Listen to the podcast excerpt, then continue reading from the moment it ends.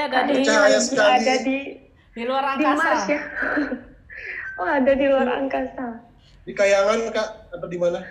Hah? Dia hatimu. Waduh. Jangan terlalu keras-keras nanti saya bisa nyampe Kayangan lebih cepat ini. Ken Ken kabarnya gimana kabarnya ada, ada berapa ribu orang yang ikut? Ya, untuk saat ini yang terdaftar itu ada 69, mungkin akan ada menyusul lagi masuk masuk masuk masuk gitu ya. Ya, ya. Tapi karena Zoom ini memberikan keterbatasan waktu, jadi Mbak Eni silakan eh, langsung saja memberikan eh, pengalamannya, inspirasi ke kita apa sih yang harus kita kuasai di masa pandemi ini. Ah, oke. Eh, agar nanti setelah new normal, setelah normal lagi orang-orang kita bisa lari kencang gitu ya. Jadi Mm-mm. eh, ya 20 menit lah. Oke. Nanti setelah itu kita sesi tanya jawab. Kedengeran toh suaraku toh? Oh jelas banget. Jelas, wah, jelas banget ya. Oke. Gemas. Oke, sebelumnya terima kasih tim kampus Alfa ya, Alfa Prima Bali. Yes. Eh, Yes. Ada yang pernah ketemu saya nggak yang dulu tahun berapa tuh yang saya ke sana? 2017 ya.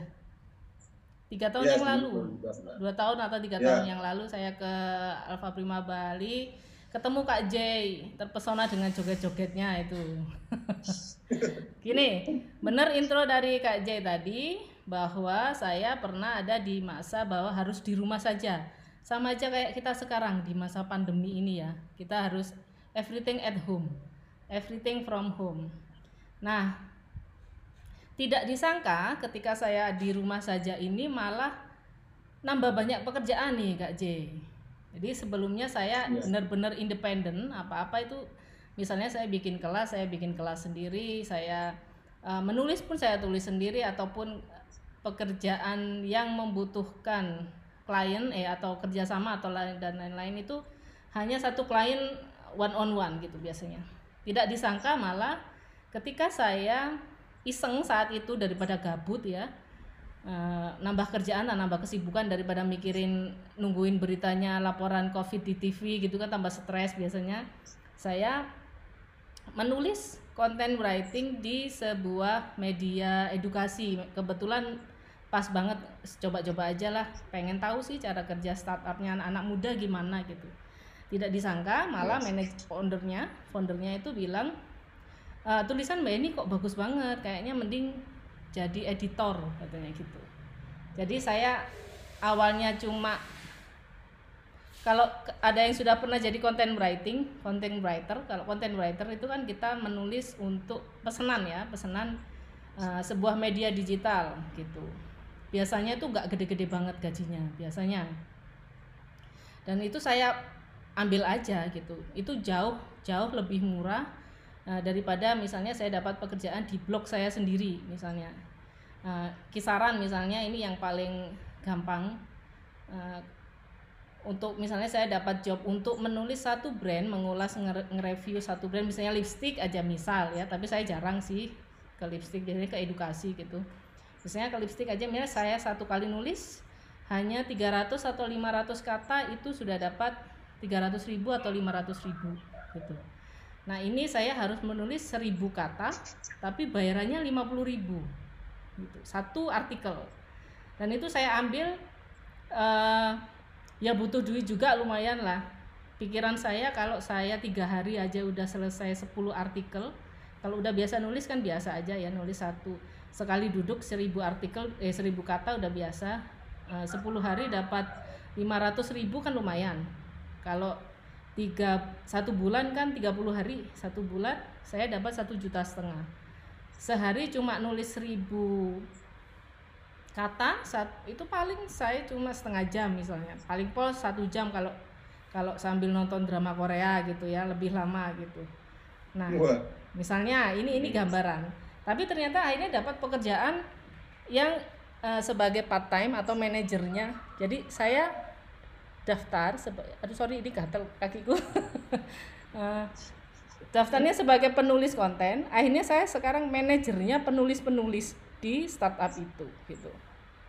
Nah, cerita ini adalah kalau ditarik lagi, perjalanan saya untuk mengenal dunia digital atau mengasah skill saya sendiri itu panjang sejak tahun 2000 kalau menulisnya itu sejak sejak dulu kalah sejak kecil. Tapi saya hadir secara digital dan mempelajari segala hal keterampilan yang dibutuhkan biar kita digital itu uh, orang tahu gitu dan lain-lain itu sekarang sekaranglah ini saya memetik hasilnya mulai memetik hasilnya jadi nggak perlu ngeprank nggak perlu woro-woro aku pinter aku yes. bagus atau gini uh, saya yang yang saya yang mengajukan beberapa tulisan yang dibayar murah dalam tanda petik mau dibayar murah itu ternyata skill saya itu dibaca oleh orang. Sama aja kalau kalau ada talent hunter gitu loh ya. Kalau kalau artis-artis tuh misalnya orang nggak perlu apa-apa kalau orang yang tahu eh, ini skillnya kayak gini tahu nah, orang yang yang tahu membaca bakat orang gitu misalnya. Nah itu juga jodoh-jodohan nih ini ini jodohnya jodoh saya. Nah untuk teman-teman adalah kenali dulu bakat dan kekuatanmu sendiri. Nggak harus menulis seperti saya. Misalnya suka bikin konten kayak KJ ya itu benar-benar diasah banget gitu. Pertama skillnya itu. Asah skill yang kalian sukai sendiri. Wajib itu. Mengetahui bakat yang kalian suka tapi yang produktif. Jangan cuma suka doang. Misalnya rebahan gitu itu disukai dah tapi kan nggak produktif gitu kan misalnya rebahannya sambil megang HP sambil ngisi selfie sambil upload ini itu jualan itu bukan rebahan gitu kan? Cari yes. skillmu yang bisa produktif yang bisa semakin diasah semakin itu menjadi pakar. Apa pun misalnya kontennya kon, ahli membuat konten menarik selama satu detik misalnya. Nah itu saja diasah terus menerus nah produk yang sudah kalian buat itu harus ditunjukkan. Nah kebetulan karena kita semua sudah from home sudah ada akses internet ya kita tunjukkanlah itu di internet dengan baik di berbagai media. Entah itu media media sosial entah itu di uh, LinkedIn dan lain-lain lah ya. Pelajari digital marketingnya. Pelajari cara kalian hadir di dunia internet itu bagaimana? Pelajari bagaimana orang mengenal kalian bagaimana mengenal orang mengenal kalian? Sekarang saya sering uh, orang mengenal saya ke ranah ibu-ibu ibu rumah tangga. Nyambungnya ya ke coding, ke coding kit, ke edukasi, ke teknologi. Dan itu adalah sesuatu yang memang saya pilih. Satu topik yang memang saya pilih untuk saya tampilkan uh, di internet itu di dunia digital itu bahwa ini adalah profil ibu rumah tangga yang berangkat uh, ibaratnya memulai hidup barunya memulai karir baru dari nol itu dengan pengenalan teknologi digital dan kreatif dan kreativitas gitu ya bahwa edukasi yang nanti akhirnya saya tekuni itu adalah alatnya saja karena edukasi tidak harus ke pelajaran formal dan tidak harus hanya untuk pelajaran matematika, fisika, biologi.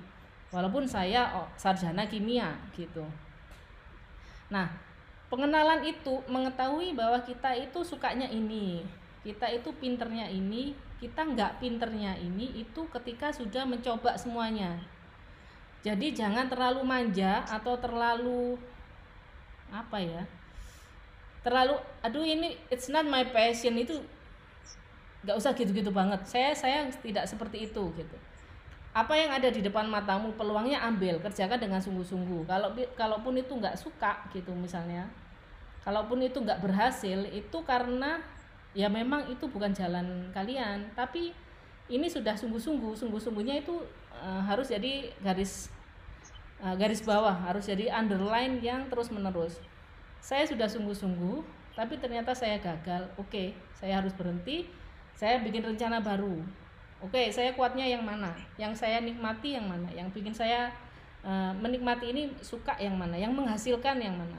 Menghasilkan itu harus penting karena kita harus menjadi orang yang mandiri kan? Kalau kalau nggak menghasilkan ya harus jadi anaknya sultan. Ya saya bukan anak sultan bukan anak hmm. orang crazy rich gitu ya. Yang harus menghasilkan lah itu yang harus saya asah gitu. Itu aja cukup dulu. Mending pakai pertanyaan aja kak J lebih enak nanti yes. oke okay. jadi eh dari Mbak Heni pengalamannya diceritakan mes- meskipun nggak banyak Mm-mm. seharusnya kalau cerita tentang Kak Heni ini wah Panjang. kalau diceritakan dari kecil gitu perlu ngopi berapa saset tuh kali ya. Nah, yang saya tangkap dari Mbak Heni itu adalah pertama teman-teman semuanya pesan dari Kak Heni gali cari skillmu yang yang kira-kira skill mana yang bisa menghasilkan atau produktif gitu Mbak Heni ya. Mm-mm. Kemudian kerjakan sungguh-sungguh Mm-mm. apa yang kira-kira jadi kebutuhan. Jangan maksain bahwa passionmu apa gitu, terus tidak tahu orang nggak butuh juga eh, sia-sia juga passion kamu kerjakan boleh tapi jadikan itu sebagai pendamping sebagai pengalihan ketika stres mengerjakan sesuatu lah gitu mbak ini ya Mm-mm.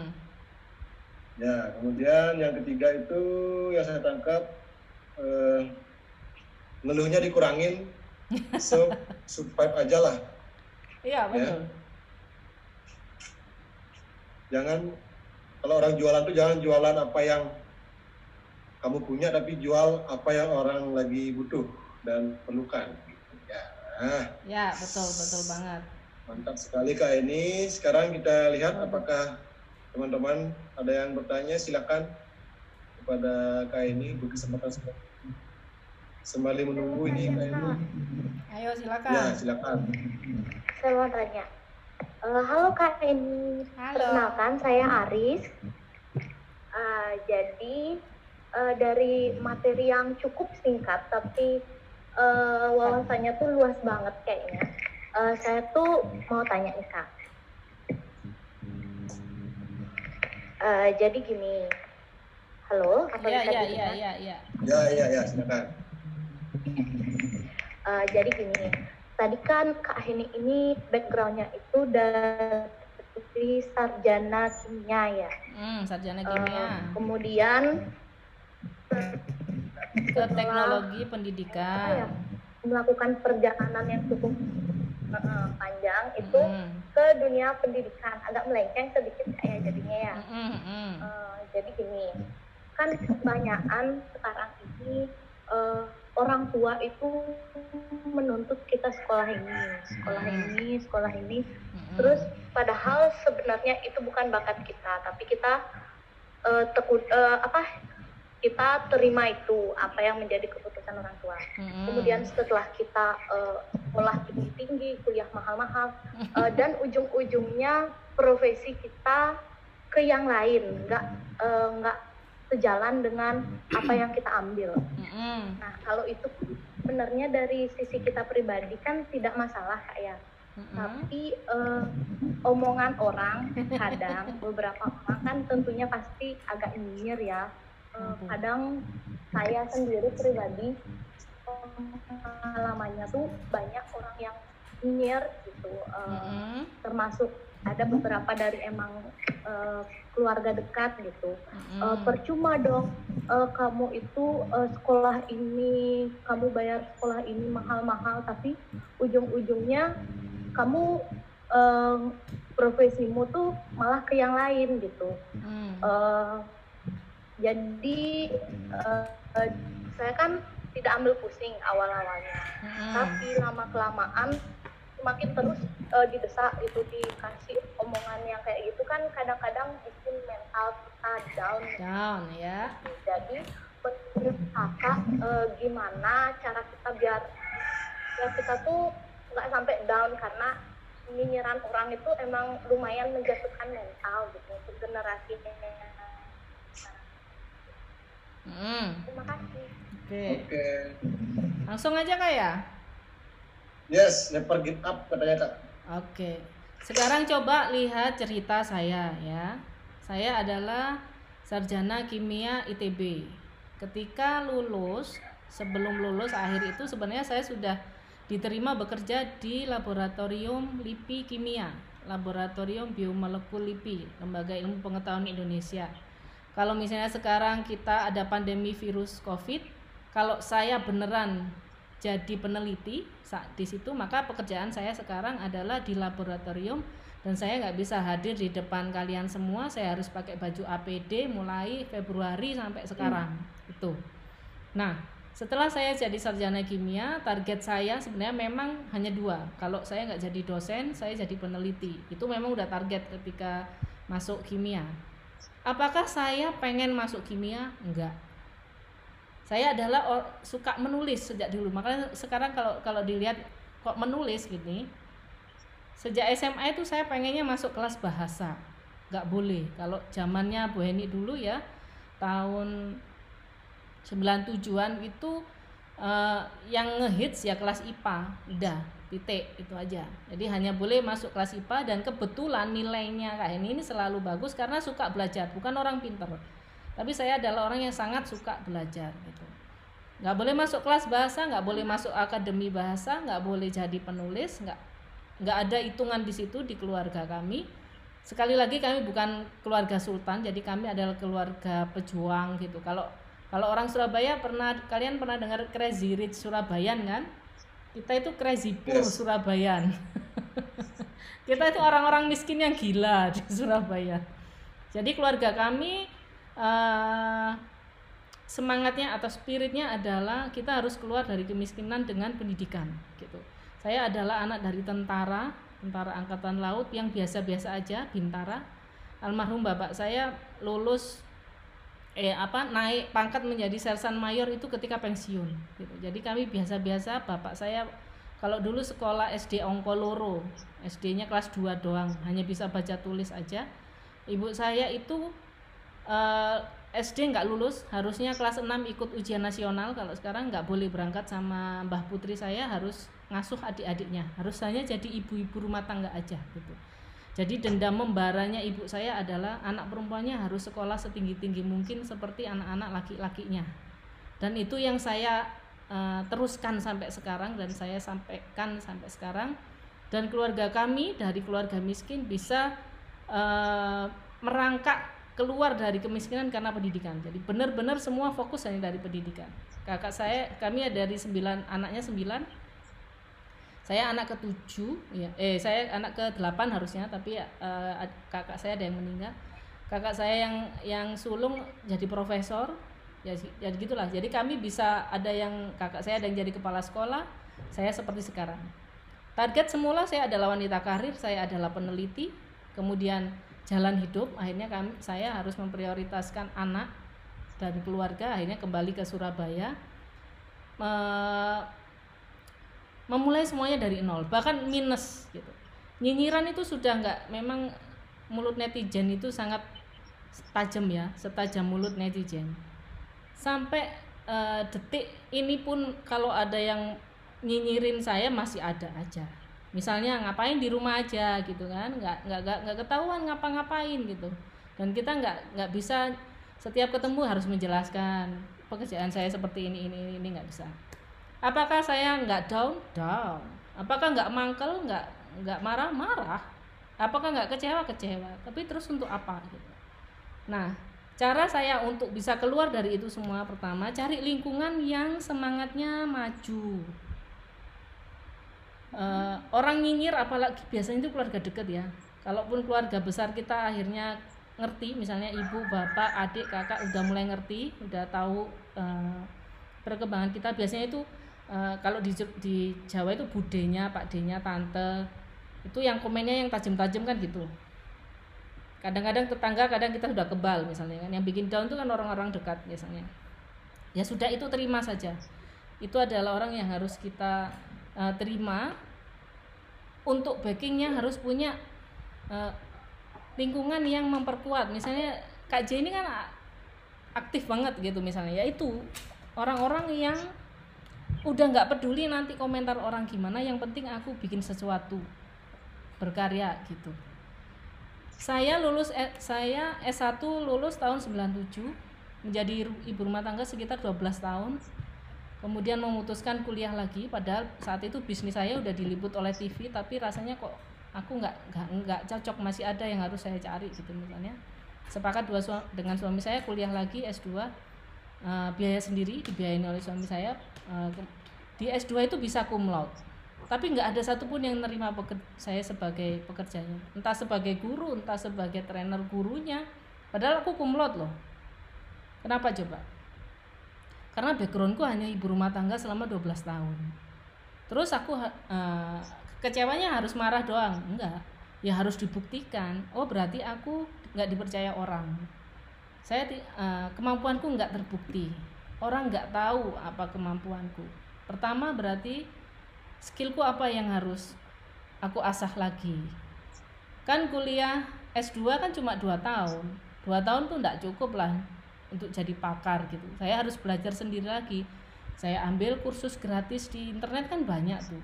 Memang senjatanya ya memang harus berani sering-sering buka Google Translate atau sering berani ambil pelajaran yang bahasa Inggris gitu mau nggak mau ya memang gitu. Saya dulu ketika di kimia ITB uh, eh, pertama kali belajar kimia itu bukunya setebal gini uh, itu saya nggak bisa bahasa Inggris.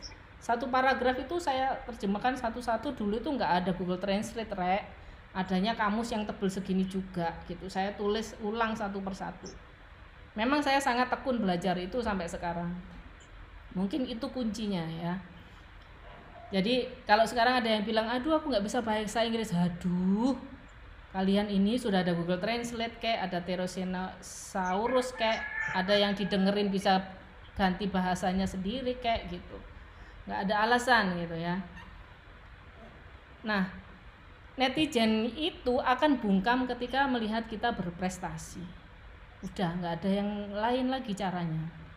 Jadi selama kalian belum berprestasi ya mereka nggak akan berhenti bicara. Dan ngapain juga hidup kita itu didirect oleh orang-orang yang nyinyir.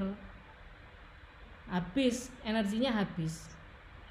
Pilihlah komunitas ataupun lingkaran yang bikin kalian strong atau nerima aku ini maju gitu. Dan ketika orang berbeda nggak usah nggak usah menghabiskan energi juga untuk membantah atau uh, menjawab eh aku ini begini begini. Nggak usah karena mereka nggak butuh kok. Mereka nggak butuh dijelaskan mereka hanya butuh menyinyirin aja gitu.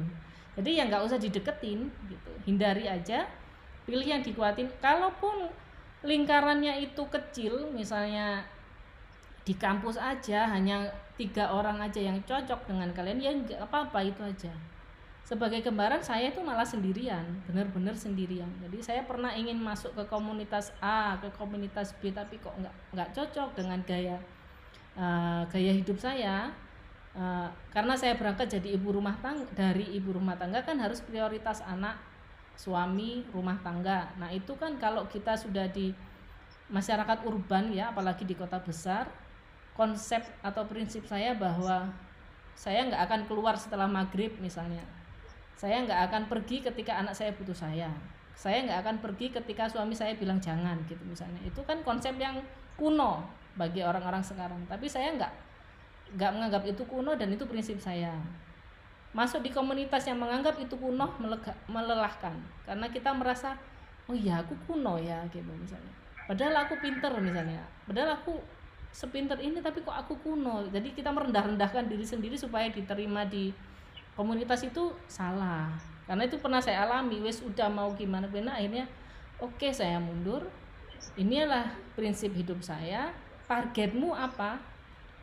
Targetmu itu inget-inget aku mau buktikan nggak usah jauh nggak usah terlalu tinggi membuktikan ke orang tua bahwa orang tuaku salah aku disuruh salah jurusan jangan. Buktikan aja ke dirimu sendiri. Berterima kasihlah dengan apa pun yang sudah orang tua berikan nanti kelak kalian sudah jadi orang tua kalian akan tahu sendiri itu gimana. Bingungnya orang tua ingin mengarahkan anaknya. Kita aja yang sudah saya aja yang sudah educated ibaratnya. Mengarahkan anak aja masih bingung ini aku bener apa enggak? Aku salah apa enggak? Aku pengennya anak ini baik. Apalagi bapak ibu orang tua kita dulu yang nggak ada kesempatan pendidikan harus survive untuk bekerja mencari nafkah buat kita bisa belajar hidup sehat ada rumah semuanya terpenuhi tentu tidak se bagus itu memahami anak-anak muda. Jadi kita sebagai anak itu jangan menuntut banyak gitu.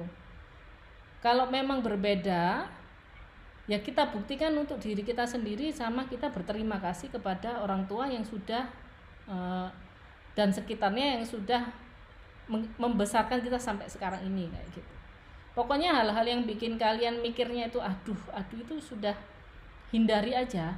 Hindari aja nggak usah frontal nggak usah kayak social justice warrior gitu nggak usah kayak SJW dan hati-hati jangan gampang sambat atau curhat atau marah kepada orang tua eh, guru bos dan siapa pun di media sosial.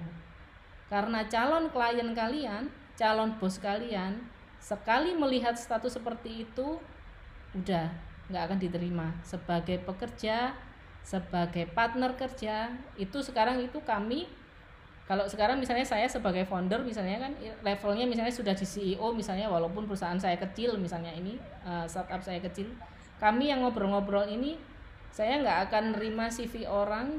Saya lacak media sosialnya sampai ada yang jelek-jelekin bosnya udah saya coret. Entah itu CV-nya udah dia S1 S2 S3 dari luar negeri kayak kayak apa kayak kalau dia media sosialnya isinya seperti itu nggak akan kepilih.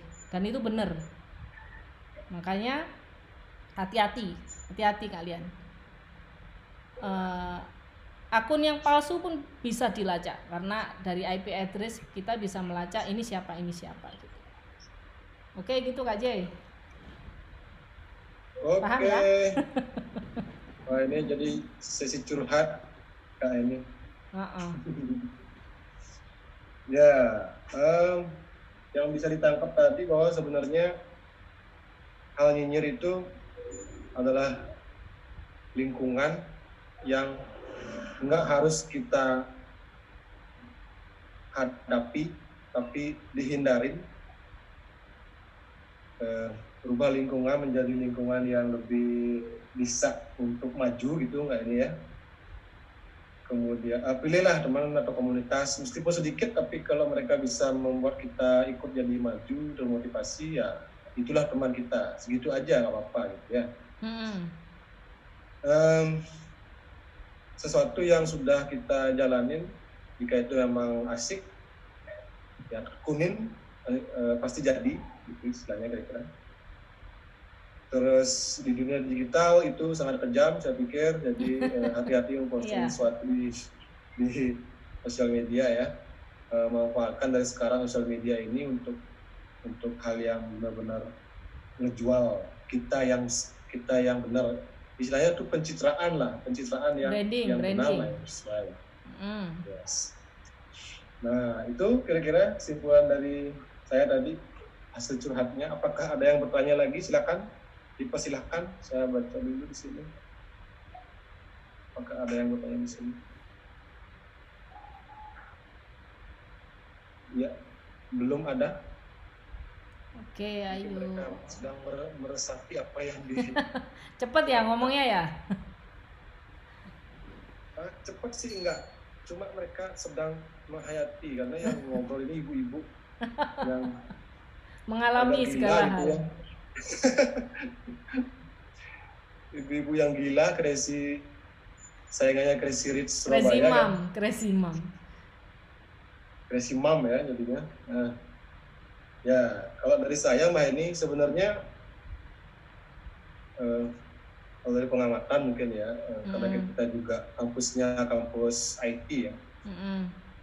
tentu nggak jauh-jauh dari digital gitu kan Eh, ya seperti tadi ada coding ada kontennya ada tulisannya dan sebagainya Mm-mm. itu sebenarnya ke depan ini di saat new normal itu dari hasil pengamatan mungkin sempat Mbak Heni ngamatin atau dari data-data yang Mbak Heni bisa terbaca? Seberapa seberapa sih kebutuhan orang nanti di akan memanfaatkan dunia digital ini Mbak se- sebenarnya? Untuk berbagai aktivitas ya berbagai industri berbagai bisnis dan sebagainya. Sudah ibaratnya ki eh, dunia digital ini sudah sudah mau jadi oksigen nih sudah jadi oksigen gitu sudah sudah Hmm, butuh banget harus- gitu ya. Mm-mm, su- sudah pasti go gitu digital semua. Seperti sekarang gini eh, saya aja posisinya sekarang mau ke pasar aja takut kan. Takut terpapar Hmm. virus. Kemudian eh, saya ngamati beberapa artis atau apa atau selebgram atau apalah yang mulai beralih ingin men- me- menerim membuka bisnis jasa titip belanja sayur mayur di pasar kayak gitu dan mereka uh, aksesnya gimana? Kan pakai internet pakai digital lagi gitu. uh, supaya orang tertarik gimana? Konten yang bagus. Supaya orang tahu pelajaran digital marketing. Entah kalian harus bikin iklan atau bikin uh, eh, SEO supaya ada di halaman satu Google kayak gitu itu kan konsep-konsep digital marketing. Apakah ada interval waktunya ketika promosi itu uh, mengetahui cara kerja Google, Facebook, Instagram, Twitter itu yang berbeda-beda. Bagaimana memanfaatkan yang trending tapi kita tetap elegan gitu nggak nggak nge-share nge-share barang yang nggak bener gitu nggak ada gunanya. Uh, gini kalau saya amati ada teman-teman uh, yang supaya dia di komen banyak orang itu akhirnya apa pun dia share gitu. Pasti rame komennya. Tapi brandingnya atau kayak tadi citra diri personal brandingmu orang itu nggak kenal. Karena yang yang kayak gitu kan banyak. Ya kan? Dan saya sangat berhati-hati di situ. Jadi orang langsung misalnya aku kepingin anakku suka belajar kayak sini aku pengen anakku bisa kenal coding. Mereka langsung ingat oh ada Bu Heni. Eh ibu-ibu bisa nggak sih belajar coding? Oh ada Bu Heni. Eh di rumah aja bisa nggak sih kerja? Oh ada Bu Heni kita bisa nanya. Ya kayak gitu. Nah ke depannya bagaimana ya? Kampusnya sudah ada akses internet daerah rumahnya sudah ada akses internet nggak ada alasan lagi kita nggak go digital gitu. Nah, pertarungannya memang sangat sengit tapi kalau kalian sudah tahu posisinya sudah bisa menjalankan uh, personal branding dengan baik networking dengan baik dan itu dilakukan terus menerus dan tekun maka orang yang mau meng-hire itu akan datang juga. Dan walaupun kita pekerjaan kita remote ya remote work remote working jarak jauh freelance hanya nggak pernah ketemu sama sekali itu faktor kepercayaan itu masih kuat loh. Dari media sosial itu juga bisa dari mulut ke mulut. Misalnya uh, aku pernah kerja sama sama Bu Heni ini loh. Jadi jadi saya dapat pekerjaan sekarang itu semakin semakin sekarang itu dari networking. In, ini mengenalkan saya ini mengenalkan saya ini mengenalkan saya.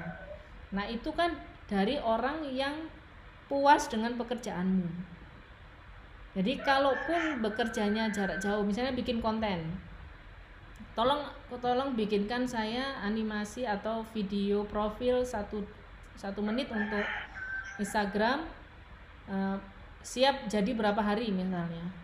Tiga hari. Oke langsung. Beneran kalian komitmen tiga hari jadi. Karena musuh kalian itu sekarang bukan orang Indonesia lagi.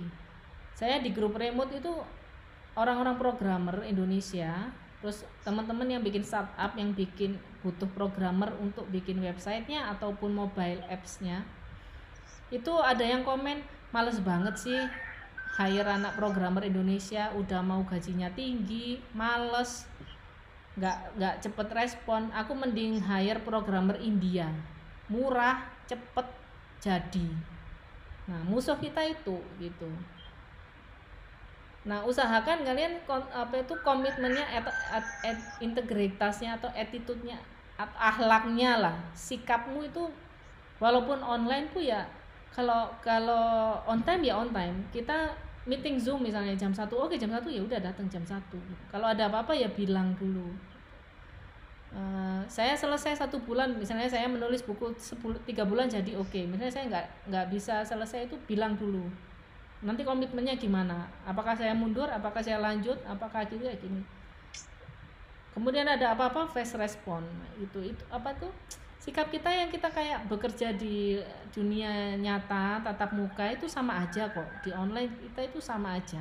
Kalau kamu sopan kamu on time kamu disiplin apa pun skillnya itu pasti akan dapat pekerjaan yang bagus dan orangnya itu loyal apa setia. Jadi ya itu nanti ada lagi itu setia. Nggak kita nggak harus dikenal ribuan orang. Kita misalnya dikenal ratusan orang tapi orang itu percaya dan setia misalnya pembeli ya. 100 orang aja pembeli tapi setia beli terus kan repeat order tuh kan bagus gitu.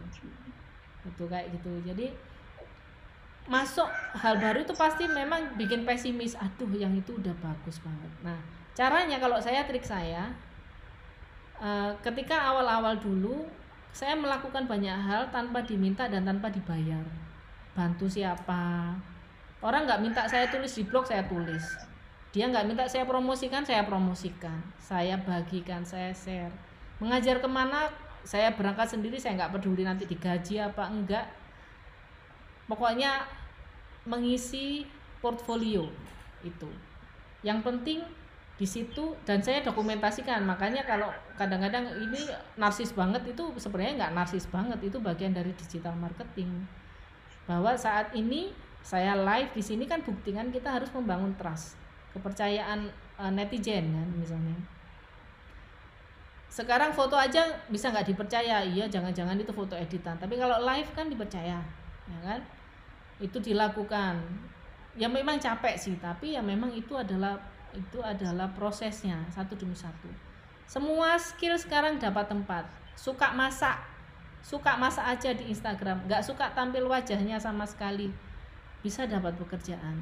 Masak dengan baik masak sendiri di rumah di foto belajar food fotografi dengan bagus. Karena kita di dunia digital itu visual kan? Kalau saya sudah menyerah di visualnya saya fitnya Instagram udah nggak karu-karuan gitu kan. Saya nggak nggak telaten untuk desain uh, foto ataupun desain video. Itu nggak telaten banget. Video saya di untuk anak-anak kelasku digital itu yang penting saya rekam nanti um, thumbnailnya itu saya pakai di Canva. Karena saya nggak telaten desain desain sendiri pakai Photoshop nggak telaten. Mendesain foto dan video itu kelemahan saya. Dan itu tidak perlu diratapi. Nggak apa-apa. Jadi kelemahan itu diakui aja lalu diakali. Sekarang ada Canva ya udah saya akali dengan Canva. Nanti kalau saya punya duit banyak saya hire desainer gitu. Skillku apa? Ngajar. Skillku membuat strategi pembelajaran. Berbicara menulis. Ya wes itu yang diasah. Teman-teman nggak suka masak. Yo jangan diratapi nggak suka masaknya. Cari yang disukai apa. Suka nyanyi misalnya.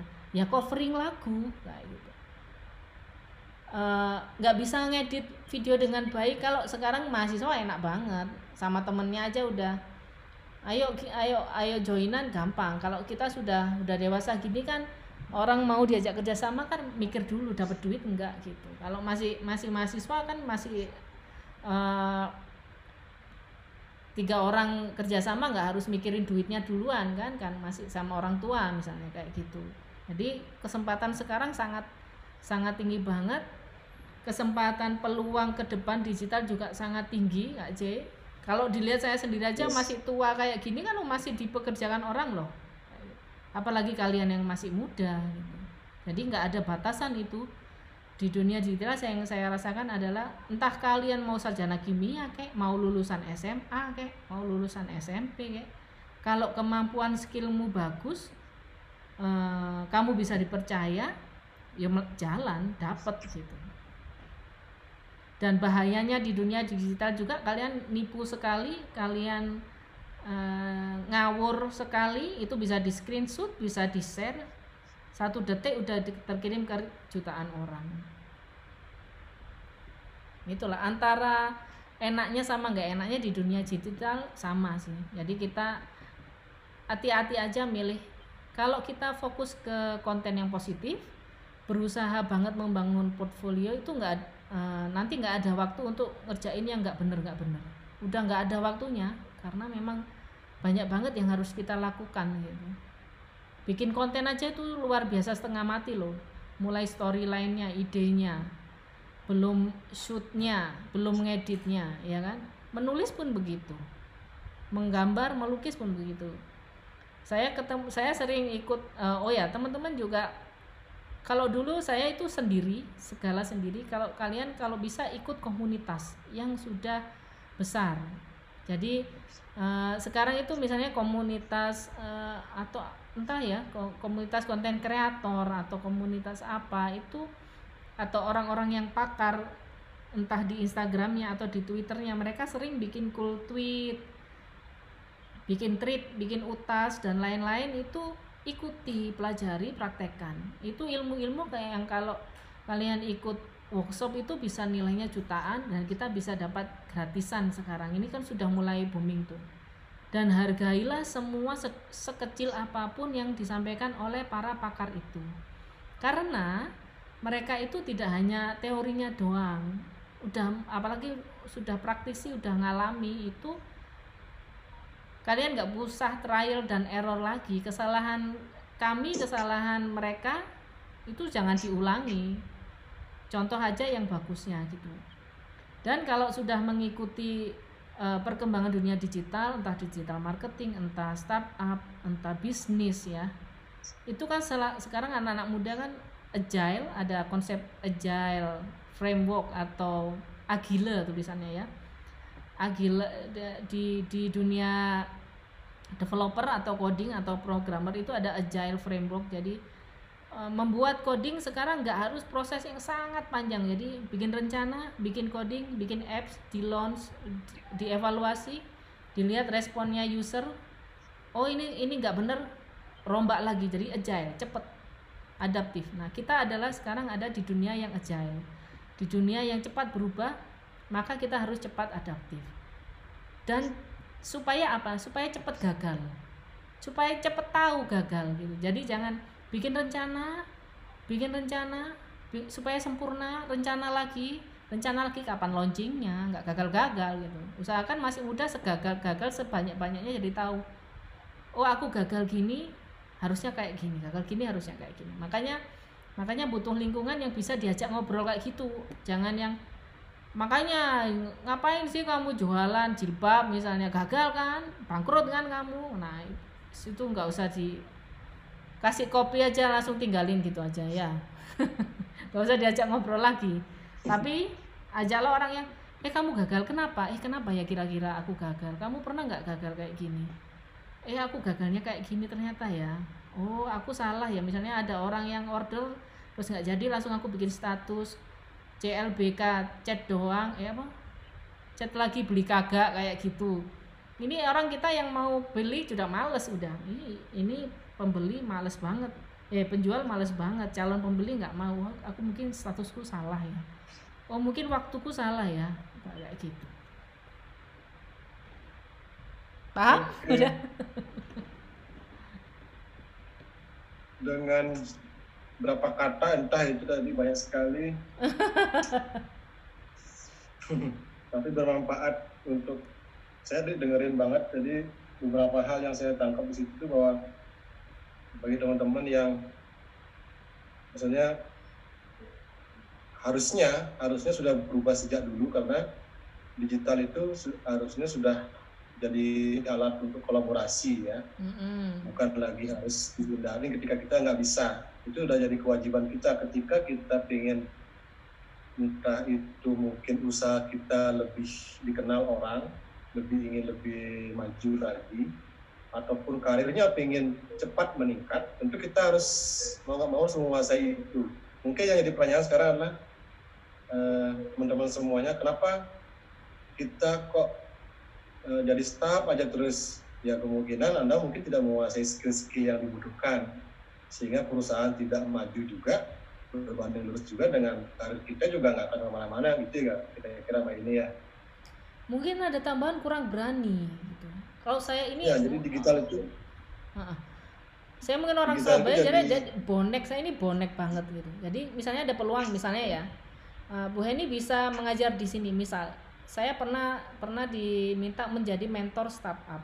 Mentor untuk pre startup itu kan nggak masuk akal banget dong saya startup aja ini saya bikin kecil-kecilan kan nggak mungkin saya jadi mentor gitu kan. Tapi saya bilang iya saya bisa.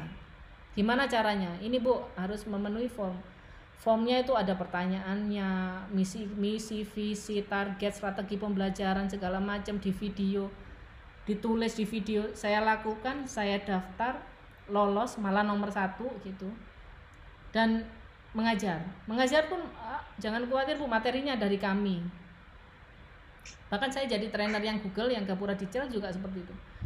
Kalau dilihat pengalaman nggak pengalaman sama sekali tapi berani gitu. Tapi beraninya itu ada lanjutannya. Berani dan mau belajar dengan sangat cepat dan sangat ngoyo. Kalau bahasa, bahasa Jawanya ngoyo. Ngoyo itu apa ya? Ngoyo itu usaha banget gitu loh. Usaha banget pol-polan ah, oh, ah. Jadi supaya saya memenuhi kata saya bisa itu gimana caranya saya mempelajari itu di waktu cepat mau nggak tidur ya nggak tidur gitu.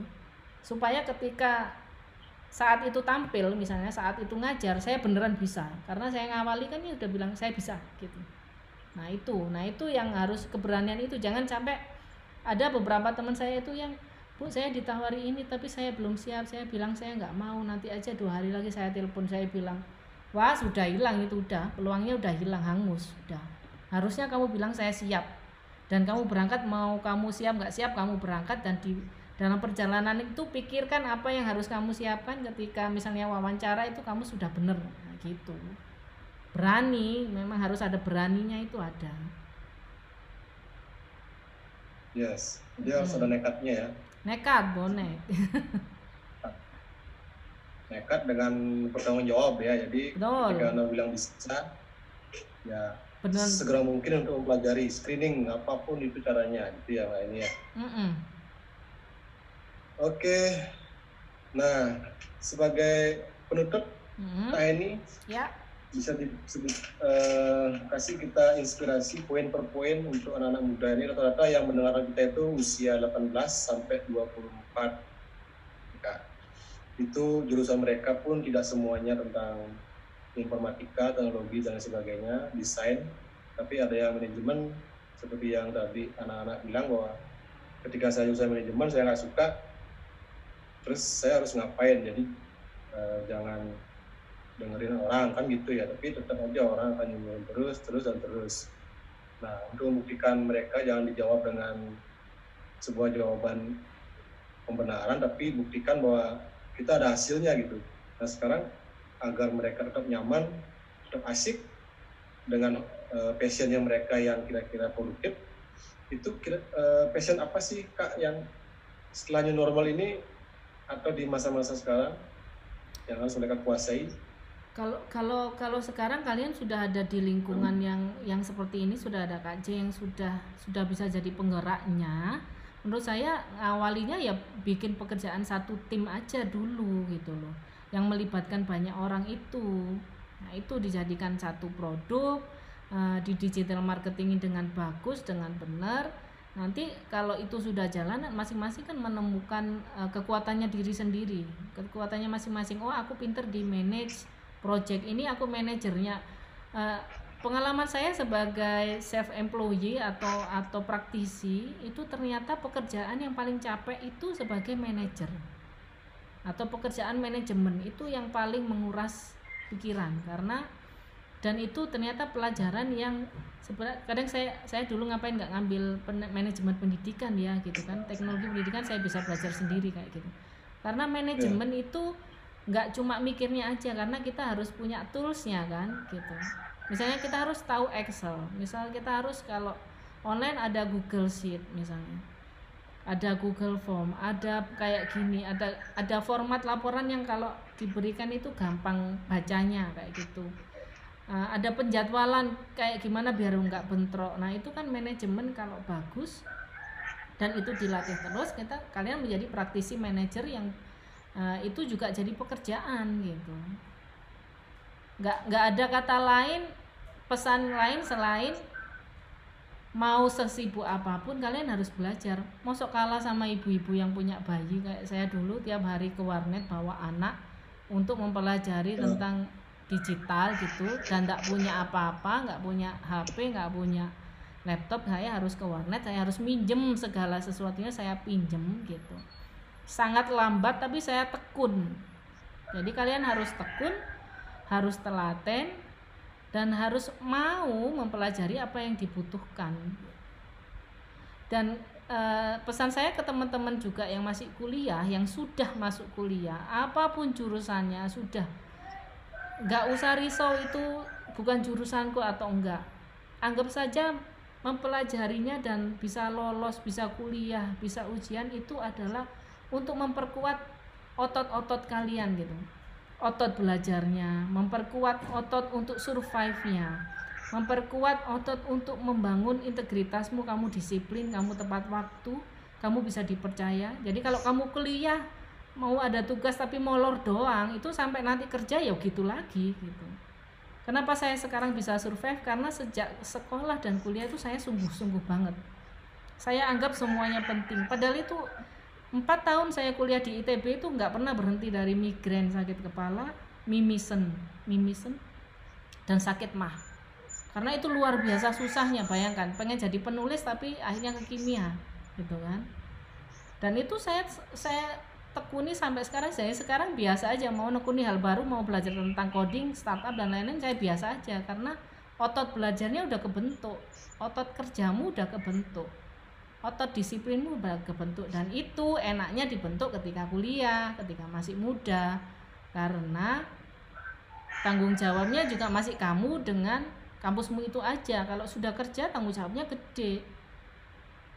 Suka nggak suka misalnya kalau sudah punya keluarga tanggung jawabmu sama keluarga kamu. Nggak nggak bisa seenaknya. Nanti kalau dipecat nggak ada pemasukan anaknya makan apa misalnya kayak gitu. Nah mumpung masih muda umur 18 tahun 24 tahun uh, duduk misalnya saya duduk di laptop lama-lama nggak sakit pinggang seperti saya ngajar ke luar kota naik kereta api naik pesawat pulangnya nggak linu semua gitu kan masih muda gitu. Nggak saya sekarang keterbatasannya banyak gitu.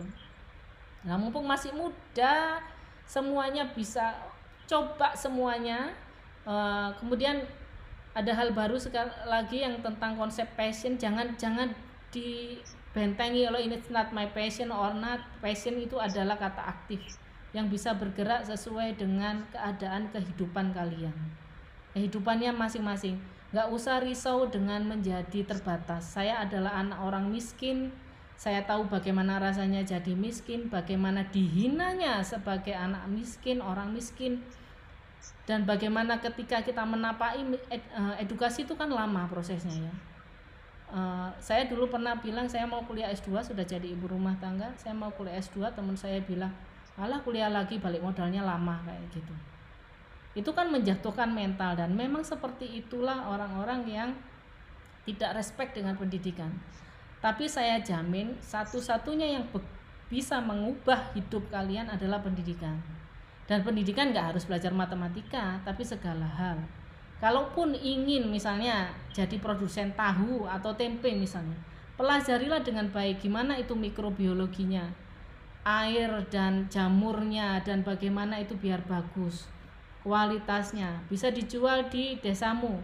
Oke naik tingkat di Bali naik tingkat di Indonesia naik tingkat nih kayak kan bisa. Jadikan produk apa? Siapa yang sudah berhasil belajar di sana? Sekarang itu sangat terbuka loh eh, orang-orang uh, yang hebat itu saya tuh sering menjapri eh, orang-orang luar negeri bagaimana kamu start bisnismu? Apakah kamu punya tim? Itu mereka mau loh tanya jawab itu. Gak usah takut juga gitu. nah gitu kak Jen ya sama kayak saya udah nekat menjapri Eni waktu diculik hari ini ya kan? Dan akhirnya mau berbagi. So Pak Eni eh, di penghujung nampaknya eh, teman-teman semua saya lihat dulu mungkin ada pertanyaan di sini. Eh, tidak ada jadi eh, cukup pertanyaan sampai di situ. Eh, jelas banget arahnya bahwa memang dunia digital itu bukan tentang passion or not my passion gitu ya. Tapi adalah uh, jadi apa tadi? Kayaknya jadi oksigen ya oksigen dan senjata bisa dipisahkan dari kita. Senjata kita sebenarnya senjata. Nggak bisa di nggak bisa udah nggak bisa dipisahkan tuh pokoknya apa pun bidangnya apa pun usahanya apa pun karirnya di mana pun tempat kerjanya dunia digital wajib kita kuasai agar semuanya pada naik. Entah itu karirnya entah itu omsetnya dan lain sebagainya. Mm. e, langkah untuk menuju ke situ kita harus punya kekuatan jadi biarpun bukan passion anda jadi kekuatannya adalah pertama harus nekat dengan tanggung jawab. Kemudian ciptakan portofolio yang baik. Ya itu entah itu secara offline maupun online ya kan? Portofolio ini dari sekarang dari teman-teman ini mungkin dari pesannya Mbak Eni saya saya, saya coba untuk uh, riset bahwa di sosial media jangan memposting sesuatu yang bernada menghina uh, sensitif, sensitif politik, betul sara yang bernada galau, apalagi kebencian, kemudian berita bohong apalagi gitu ya.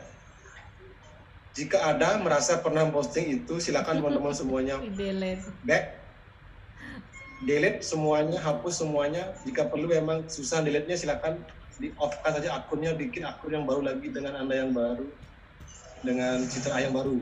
Itu kali Mbak ini ya. betul Yes, kemudian eh, senjata kita selanjutnya adalah coba saja, jangan takut. Jadi temukan kegagalan itu, evaluasi, gagal lagi, evaluasi, Mm-mm. so, pasti akan menemukan.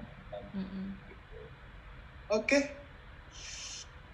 Oke, satu Apa pun lagi KJ, KJ, KJ. KJ gini, Yes. ada satu lagi. Eh, ada yang khawatir saya kalau Nah. misalnya eh, go digital atau go teknologi itu harus beli eh, HP yang canggih, harus beli MacBook, iPhone, enggak. Jadi eh, kepada Yes. siapa pun, entah itu penjual online ataupun guru ataupun saya bilang, mulailah dengan budget eh, gadgetmu sesuai gadgetmu sesuai budgetmu. Semuanya bisa ada triknya. Kalau HP-nya hanya bisa Facebookan ya udah, pelajari Facebook marketing dengan baik. Bikin kontennya hanya bisa di laptop yang netbook kecil, pelajari cara bikin pakai di situ dengan baik. Semua sekarang ada toolsnya, ada softwarenya, ada segalanya. Jadi nggak harus eh, semuanya itu, aduh aku nggak akan bisa go karena nggak punya fasilitas yang canggih. Bisa lihat saya sekali lagi contohnya saya dulu ke warnet nggak punya apa-apa, sekarang saya alhamdulillah sudah punya apa-apa karena prestasi yang pernah saya dapatkan. Saya dapat PC gratis, dapat MacBook gratis karena prestasi, karena hasil dari pendidikan itu. Jadi teman-teman mulainya dari sekarang, mulai dari diri sendiri, mulai dari hal sekecil apa pun, nggak usah risau dengan ketidakcanggihan gadget yang dipunya ya di cafe ada wifi juga boleh cuma jangan lupa sign out log out supaya datanya nggak masuk situ nanti dapat kena spamming bahaya gitu. itu itu itu yang harus Yes. saya sampaikan ya biar nggak nggak nggak eh, patah semangat hanya karena gawai hanya karena alat gitu. Yang penting semangatmu eh, lebih kuat dari apa pun hambatan di depan nanti semua pasti ada jalannya. Yes. Memulai nggak harus nunggu sampai semuanya tersedia, Mm-mm, tapi banget. sesuaikan dengan budgetmu, sesuaikan dengan gadgetmu. betul. Nah itu. Bikinin kontennya kak. Ambil fotoku. Ya kalau sesuatu di konsep terus nggak jadi-jadi ya nggak tahu apa gagalnya. So uh, thank you Mbak Henny ya sama-sama Sudah. J. hadir di depan kita nanti setelah corona ini uh, kalau bisa kita ketemunya offline biar bisa lebih panjang lagi semoga bisa ke Bali aku tapi lama gitu nggak sehari ya Ya waktu ini maunya juga saya ke Surabaya belajar coding. Seminggu kali ya bisa ya. Mm-mm. Bisa kalau nggak tidur. Langsung setelah coding bisa malah jadi zombie. Gitu. jadi zombie ya. Oke. Oke eh, ngebedah hari ini ngobrol seru berfaedah. Sesi satu bersama Mbak Eni Pastori ini langsung live dari Surabaya sudah menyediakan waktunya. Thank you sekali sudah hadir hari ini. Ya. Buat teman-teman yang sudah daftar juga yang sudah mengikuti dari awal tadi sampai akhir. Eh, esok kita akan coba lagi untuk mendatangkan hal-hal yang lebih seru lagi. Tentu Mbak Eni nanti saya undang lagi mudah-mudahan bisa ada waktu lagi gitu ya. Ya thank you Mbak Eni ini. Saya persembahkan Ya. dari Bali semua atau semua Surabaya. Semoga cepat berlalu zona merahnya. Ya Amin amin. Ya. Ini nggak pernah ke mana-mana aku stay at home banget ini sejak Februari. ya itu kasih tahu Bu Wali Kota sama Bu Aduh no comment. biar jangan Oke Iya, ya, thank you yuk. Mbak Eni. Dah, Yuk, see you yuk. next Yo, time. makasih Suksma. Yo, thank you. Kasih ayu tadi semua ya. Bye.